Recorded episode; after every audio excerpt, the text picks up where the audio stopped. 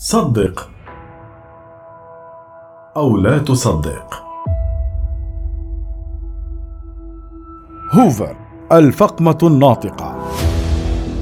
سمعنا جميعا عن أنه يمكن للحيوانات أن تتمرن وتتدرب وتكتسب مهارات عديدة لكن أن تصل الحيوانات إلى التحدث بلغة البشر هو أمر غريب.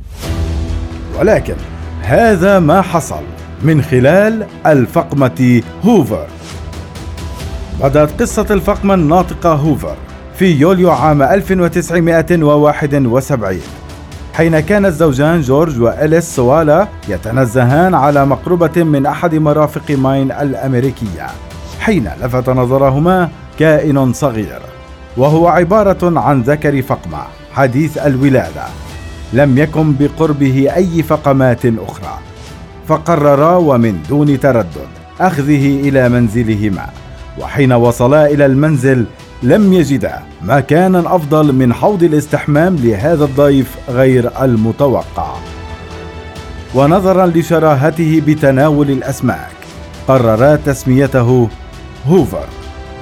بعد فترة قصيرة قامت العائلة بنقل هوفر إلى بركة صغيرة خلف المنزل وكان هوفر عنصر جذب لأبناء الجيران الذين أصروا أنه قال لهم كلمة مرحبا.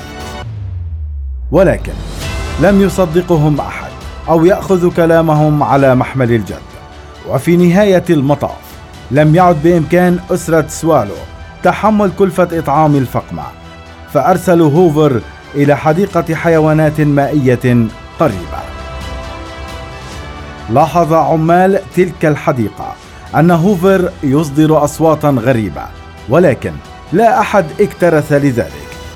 وبعد سبع سنوات لاحظ العمال أن هوفر يصدر أصواتا تحاكي المدينة التي كان فيها.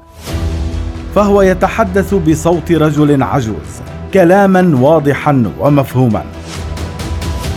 استغرب عمال الحديقة كثيرا فجمعوا فريقا من العلماء. تأكدوا أن الفقمة تنطق وتقول جملة عديدة. مثلا مرحبا يا عزيزي كيف الحال؟ اسمي هوفر. هوفر اذهب. هوفر تعال. كانت الفقمة تنطق بكل هذه الكلمات. والمضحك في ذلك أن هوفر يعتمد لهجة الأفراد الذين ربوه ويبقى ذلك أمرا مستغربا. قام الفريق بلقاء عائلة سوالو. وما إن تحدثوا إلى جورج حتى بانت وبشكل واضح اللهجة التي يتحدث بها هوفر.